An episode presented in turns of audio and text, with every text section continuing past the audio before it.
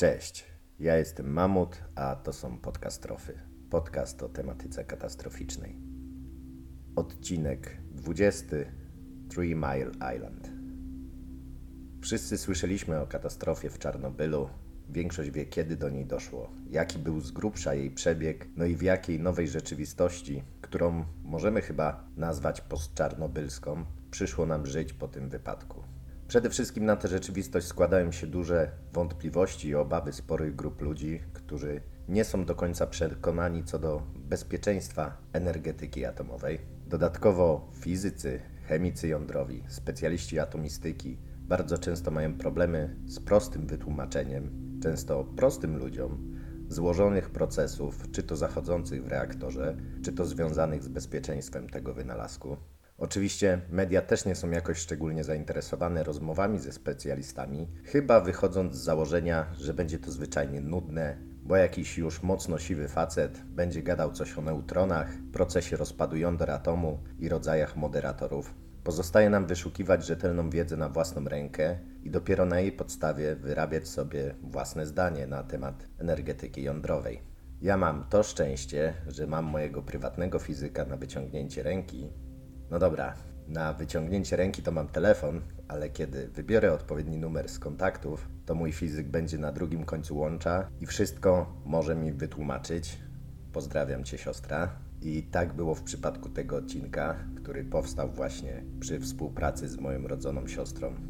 I kto nie jest w tak dogodnej sytuacji, a jednak jest zainteresowany tematem, musi radzić sobie sam. W internecie znajdzie się oczywiście masa informacji, jednak nie wszystkie z nich będą wartościowe więc jeżeli miałbym kogoś polecić w tym, jak i zresztą w wielu innych tematach, to oczywiście będzie to Dawid Myśliwiec i jego kanał Uwaga Naukowy Bełkot. Może nie będzie tam mowy o monolicie, mutantach i spełniaczu życzeń.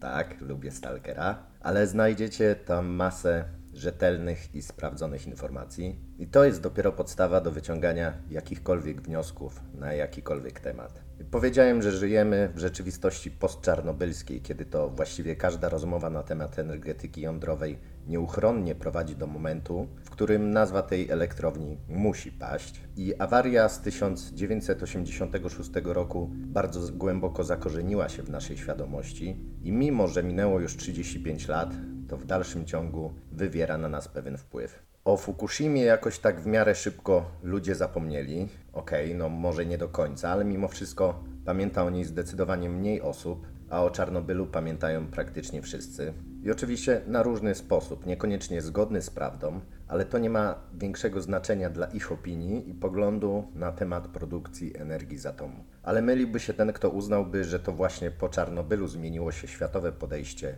do energii atomowej, a okres hura optymizmu atomowego skończył się z końcem kwietnia 1986 roku. On skończył się znacznie prędzej, tylko że miało to miejsce po drugiej stronie globu, o czym zwyczajnie ludzie za żelazną kurtyną po prostu się nie dowiedzieli. Połowie lat 70. Amerykanie doszli do wniosku, że w Wietnamie jednak im nie idzie i najlepiej będzie się już stamtąd zabrać. I co to ma wspólnego z naszą historią? Jeszcze nic. Ale przeciwnikami wojny w Wietnamie była ogromna rzesza ludzi, było to coś, co spajało aktywistów, ruchy hipisowskie, a nawet niektórych celebrytów ówczesnej Ameryki. I kiedy okazało się, że wojna, której byli przeciwnikami, wreszcie dobiega końca, postanowili wykorzystać swoją energię i zaangażowanie w inny sposób. Nie jestem w stanie powiedzieć, czy chodziło o znalezienie nowego powodu i nowego wroga, przeciw któremu można protestować i podtrzymać istnienie tego poczucia wspólnoty, jakie do tej pory dawały protesty przeciw walce zbrojnej, czy może rzeczywiście chodziło o to, że ludziom nie podobał się pomysł wykorzystania rozpadu atomu do produkcji energii? Czy może chodziło o kontestowanie wszystkiego, co robił rząd, z którym generalnie te ruchy nie zgadzały się w każdej kwestii? Cokolwiek by to nie było, należało protestować. Tego nie wiem. Ludzkie motywacje są zdecydowanie bardziej skomplikowane niż może się to wydawać, i sprowadzenie ich do jednej kwestii, czy to właśnie kontestacji czy to finansowej, czy jeszcze jakiejś innej, będzie po prostu generalizowaniem i to zupełnie błędnym, dokładnie tak jak przyjmowanie, że wszystkich zabójstw dokonują psychopaci. Można sobie to tak tłumaczyć, ale z prawdą ma to niewiele wspólnego. Ale wracając do tematu, tym razem wrogiem stał się atom. Może też ze względu na napiętą sytuację międzynarodową, Amerykanie wciąż mieli w pamięci kryzys kubański, kiedy to byliśmy chyba bliżej wybuchu wojny nuklearnej niż kiedykolwiek. Może też dlatego, że atom, który dzisiaj kojarzy nam się przede wszystkim z Czarnobylem, wtedy był bardziej kojarzony z Hiroshima i Nagasaki. W 1979 roku, w połowie marca, ma swoją premierę film katastroficzny z Jane Fondą i Michaelem Douglasem w rolach głównych pod tytułem Chiński syndrom. Historia opowiedziana w tym filmie zakłada awarię reaktora atomowego, którego rdzeń będzie następnie przetapiał się przez planetę, aż dotrze do Chin. Oczywiście dzisiaj możemy się śmiać z takich założeń, ale pokazuje to, jakie było podejście do energii atomowej pod koniec lat 70. I pechowo, zaledwie w 12 dni po premierze tego filmu, rzeczywiście dochodzi do awarii w elektrowni atomowej Three Mile Island i było zupełnie inaczej niż na filmie. Obyło się też bez ofiar i skażenia, jednak skutki tej katastrofy ciągną się za nami do dzisiaj.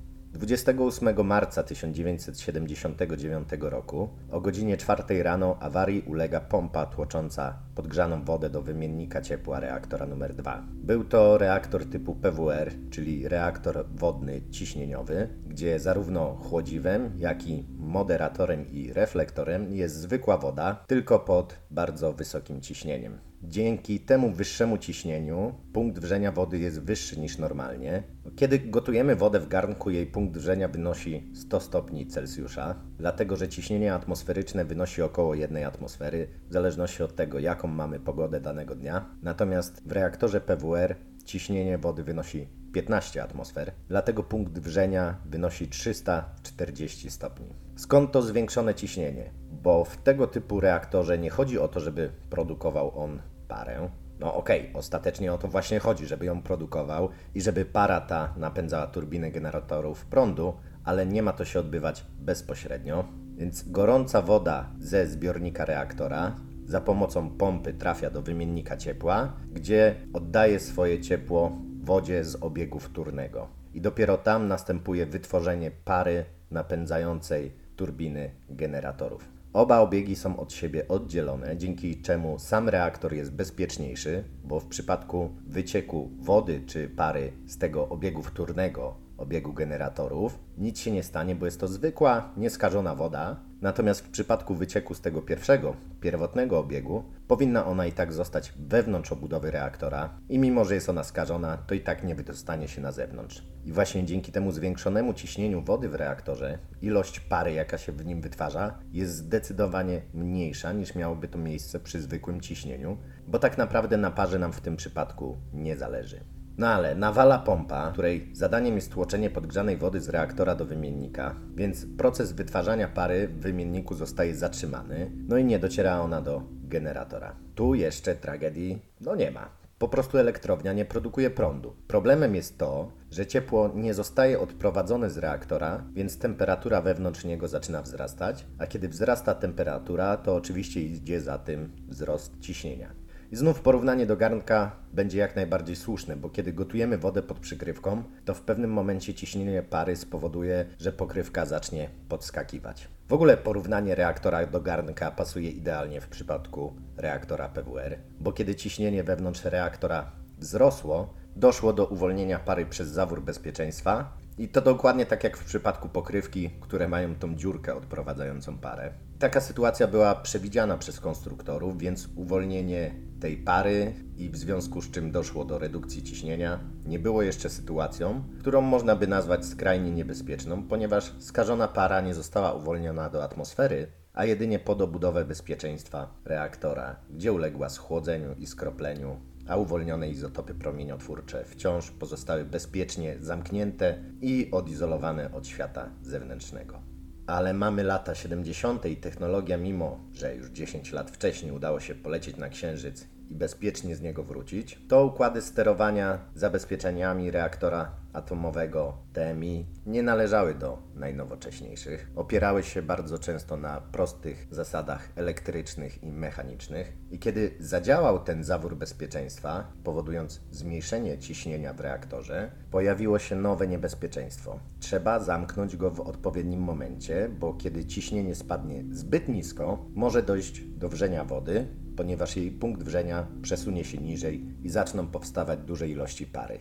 I właśnie tutaj pojawia się spryt tej konstrukcji. Spada ciśnienie, punkt wrzenia się przesuwa w dół, powstaje więcej pary, więc rośnie ciśnienie i punkt wrzenia idzie w górę, więc ilość powstającej pary spada. I to jest genialna zdolność tego typu konstrukcji do samoregulacji. Jedynie trzeba odprowadzić z niej wytworzone ciepło i ewentualnie uzupełnić straty wody, a w przypadku kiedy ciepła nie da się odprowadzić do wymiennika i zamienić w parę, a później w energię elektryczną, no to co jakiś czas należy zmniejszyć ciśnienie wewnątrz reaktora i dolać trochę wody do czasu, aż usterka pompy zostanie usunięta i znów będzie można tłoczyć wodę do wymiennika. No ale gdyby wszystko było cacy, to przecież nie byłoby sensu nagrywać tego odcinka i można by ewentualnie wydarzenia w Three Mile Island traktować jako ciekawostkę historyczną, a nie jedną z poważniejszych awarii w historii atomistyki.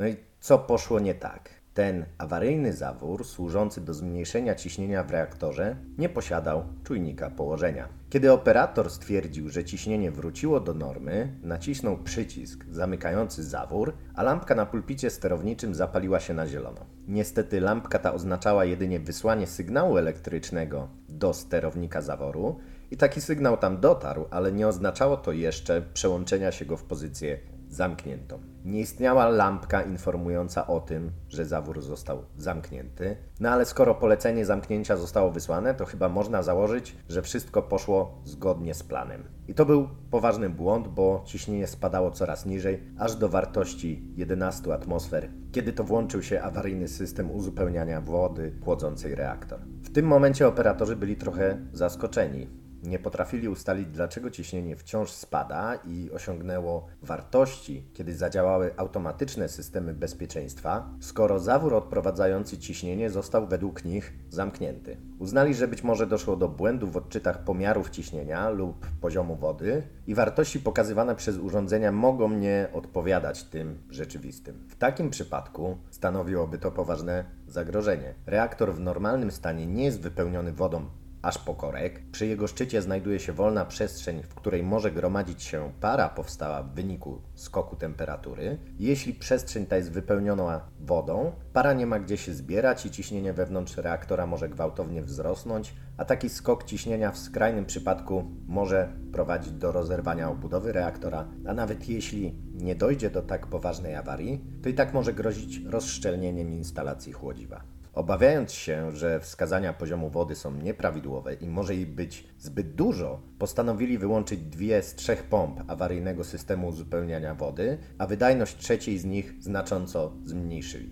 Chyba już to wielokrotnie powtarzałem, ale to jest swego rodzaju mantra. Na katastrofę zawsze składa się kilka czynników, a nie tylko jeden drobny błąd. Mogą to być skumulowane błędy ludzkie, błędy projektowe, niedbalstwo przy wykonaniu, niewłaściwe materiały, poszukiwanie oszczędności, nieprzestrzeganie procedur i wiele, wiele innych. Podobnie było w tym przypadku.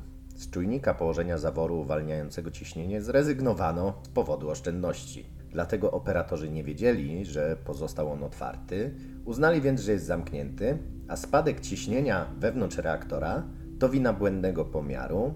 Uznali, że poziom wody może być niebezpiecznie wysoki, więc zmniejszyli jej dopływ. Poszukiwanie oszczędności, zignorowanie procedur, błąd ludzki, a wody było coraz mniej. Zamieniała się w parę i ulatniała się przez niedomknięty zawór. Jej poziom spadał, by wreszcie opaść na tyle nisko, że odsłonił pręty paliwowe a te bez dostatecznego chłodzenia zaczęły osiągać wysoką temperaturę, którą później oszacowano na około 2700 stopni, w efekcie czego uszkodzeniu uległy cyrkonowe koszulki prętów paliwowych, no i rdzeń zaczął się po prostu topić.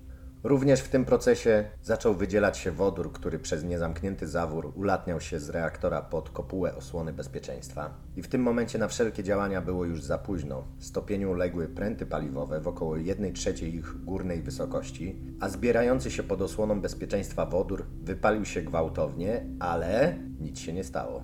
Jeśli pamiętacie, to w Czarnobylu doszło do eksplozji wodoru, co spowodowało ogromne zniszczenia, uwolnienie pierwiastków promieniotwórczych oraz produktów rozpadu, napromieniowanie ludzi i przedmiotów, nawet na dużym dystansie i całą masę negatywnych skutków. Poza oczywistymi różnicami w budowie reaktora amerykańskiego typu PWR i radzieckiego typu RBMK czyli zastosowaniem w tym pierwszym wody jako moderatora, a w tym drugim grafitu, różniły się jeszcze jednym poważnym szczegółem obudową bezpieczeństwa. Po prostu reaktor Three Mile Island znajdował się wewnątrz dodatkowej betonowo-stalowej konstrukcji, która zapobiegła wydostaniu się czegokolwiek z wnętrza uszkodzonego reaktora, a w Czarnobylu nic takiego zwyczajnie nie istniało. Możemy sobie oczywiście zadać pytanie, czy nawet gdyby zastosowano to rozwiązanie, to czy dałoby ono radę wytrzymać to, co zdarzyło się w Czarnobylu, no ale już jest dawno po ptakach, nie było, więc nie pomogło Zwykle tak jest, że działają te rozwiązania, które się stosuje.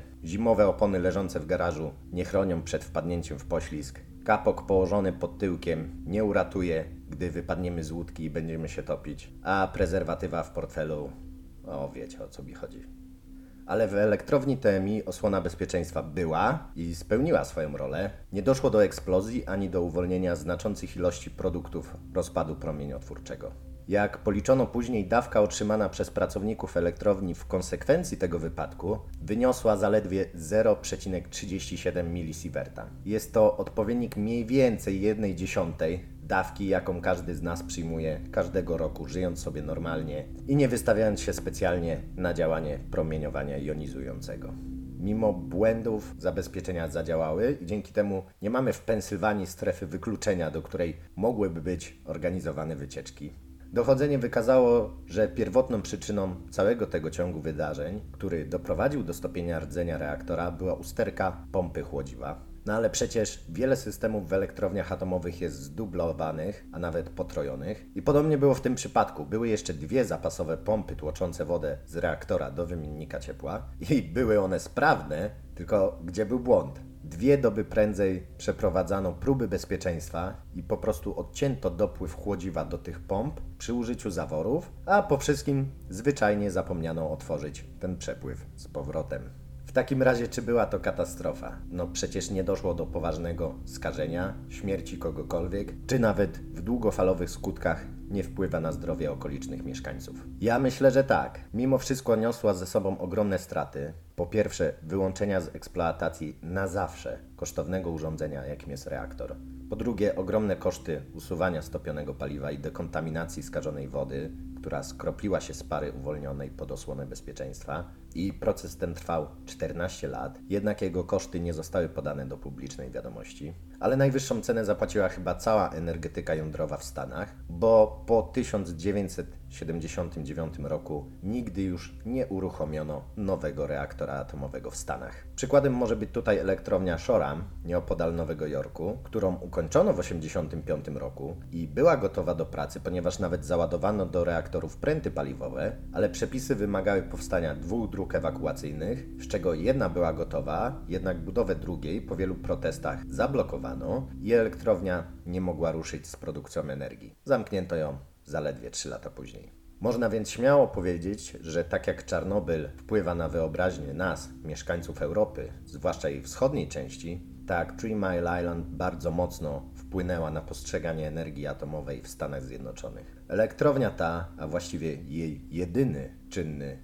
reaktor, został wyłączony 21 września 2019 roku, mimo że jej koncesja przewidywała jeszcze co najmniej kilkanaście lat pracy. Jednak ze względów ekonomicznych spółka Exelon zrezygnowała z jej dalszej eksploatacji. A chiński syndrom?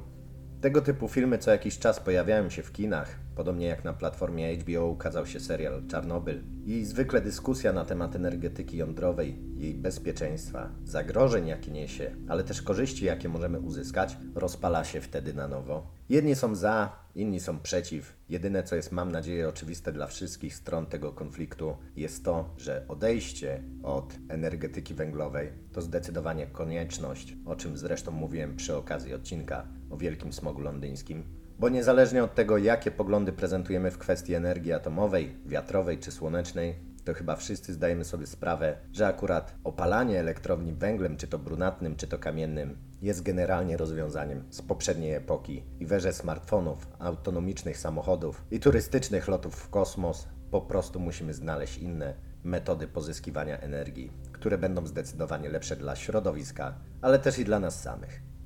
Na koniec chciałbym zaprosić Was oczywiście na Facebooka, na stronę Podcastrofy, gdzie znajdziecie zdjęcia nawiązujące do wydarzeń, o których opowiadam, chociaż akurat tym razem nie będzie ich najwięcej, bo po prostu nie ma zdjęć z Three Mile Island z wnętrza reaktora. A jeżeli ktoś z Was chciałby wesprzeć mój kanał, to oczywiście znajdziecie mnie jako mamut na stronie patronite.pl. To tyle jeśli chodzi o tę katastrofę. Do usłyszenia.